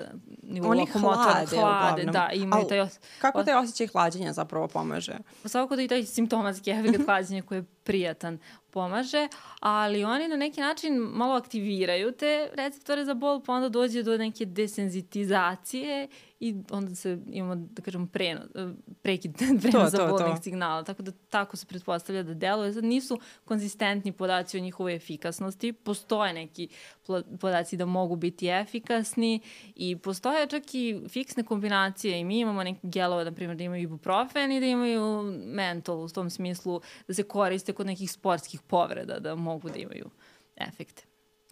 Um, Pomenula si pre kapsaicin. Da li bi Mhm. objasnila šta je to i da li se Pa i on koristi da, ovako? on, s- da kažem, negde slično i on, ono, prvo do, dolazi do onog osjećaja pečenja, žarenja kad se namaže, on aktivira te receptore, a onda dolazi do neke desenzitizacije.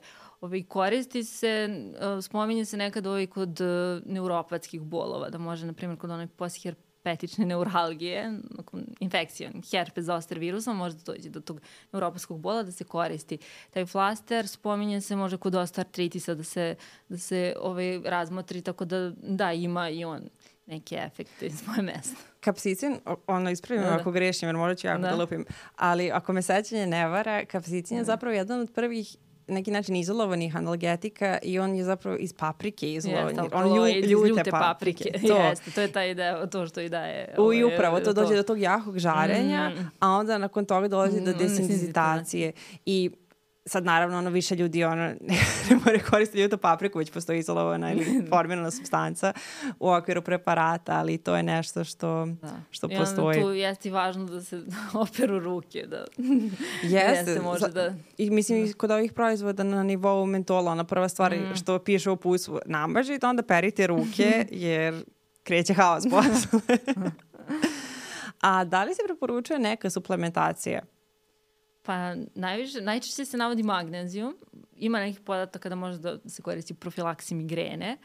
A, sad nisu konzistentni podaci. Sad ako nekom deluje super, ovaj, ali nije obično ih te relevantni vodiči ne, ne preporučuju kao takve. E, često isto devojke spominju magnezijum pre ciklusa, par dana da piju za ovaj, te menstrualne bolove. Mislim, ako, ako deluje, može, ali su isto uglavnom nekonzistentni podaci da, da, su, da je efikasan. Tako da, To. eto, može da se proba sa magnezijom.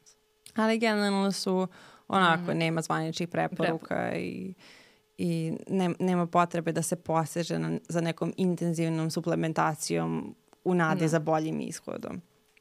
Mislim, spominje se negde u našem nacionalnom vodiču za glavobolje da može da se razmotri ta profilaksa, ali uglavnom svakako uh, ovaj, nije toliko konzistentni, ali može.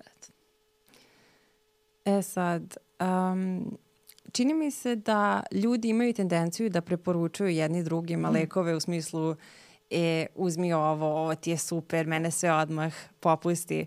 A, I u tom smislu sigurno preporučuju još više i ove narodne stvari u smislu masa od Da, jazavca ili magnezijum ili bilo koji drugi, da. ono vitamin C, mislim šta god ljudima da padne, da mogu da uzmu ili da nađu. Um, I zbog, baš prevaspuno zbog toga što su i ovi lekovi, a i ovi preparati nešto što je dostupno. Znači, ovi lekovi su lekovi koji se većinski dobijaju bez recepta, mogu da se nađu u bilo kojoj apoteci. Ovi preparati sigurno mogu da se nađu ono, brzom internet pretragom ili u bilo kojoj, ono, na primjer, bolje opremljene ono, drogeriji. Um, ali, i mislim, što je okej, kao većina ljudi zapravo ne smatra, o- ne uzima ove lekove i preparate za mnogo ozbiljno, sem ako je u pitanju neki baš jak bol, kada stvarno ljudi onda jako krenu da shvataju sve ozbiljno, jer im narušava kvalitet života. Um, I mnogo je bolje nego da postoji neka kolektivna paranoja zbog koje ne bi ljudi uh, ne bi ljudi uzimali ove lekove ono, uopšte. Ali opet treba, treba da uzimaju, da pristupaju terapiji sa nekom predostrožnošću. I zbog čega je bitno da se onda pacijenti savjetuju sa zdravstvenim radnicima pre nego što popiju bilo koji analgetik kog se dočepaju? Uh, svakako i zbog bezbednostnog profila, to smo već spominjali, nije za svakog svaki analgetik odgovarajući. Uh, pa isto možda ovaj, dobiju savet ovaj, koje leke, jer obično, ne znam, ljudi imaju i neka mišljenja da ne znam, ovaj, brufen možemo da pijemo kad nas boli glava, ali kad nas boli leđa, on ne radi, ne znam, treba nam nešto jače, a kad nas boli rame, pićemo nešto treće. U tom smislu, ovaj, možda malo ta edukacija pacijenta sa zdravstvenim radnicima o ovaj, značaju te pravilne primene. To, brufen ne zna da vas boli, on nije samo lek za glavu, on je lek za bilo šta u Da. vašem organizmu što vas Da. boli. Naravno, ako je vaš organizam dovoljno Mm. senzitivan na brufen, Mm, dovoljno osetljiv.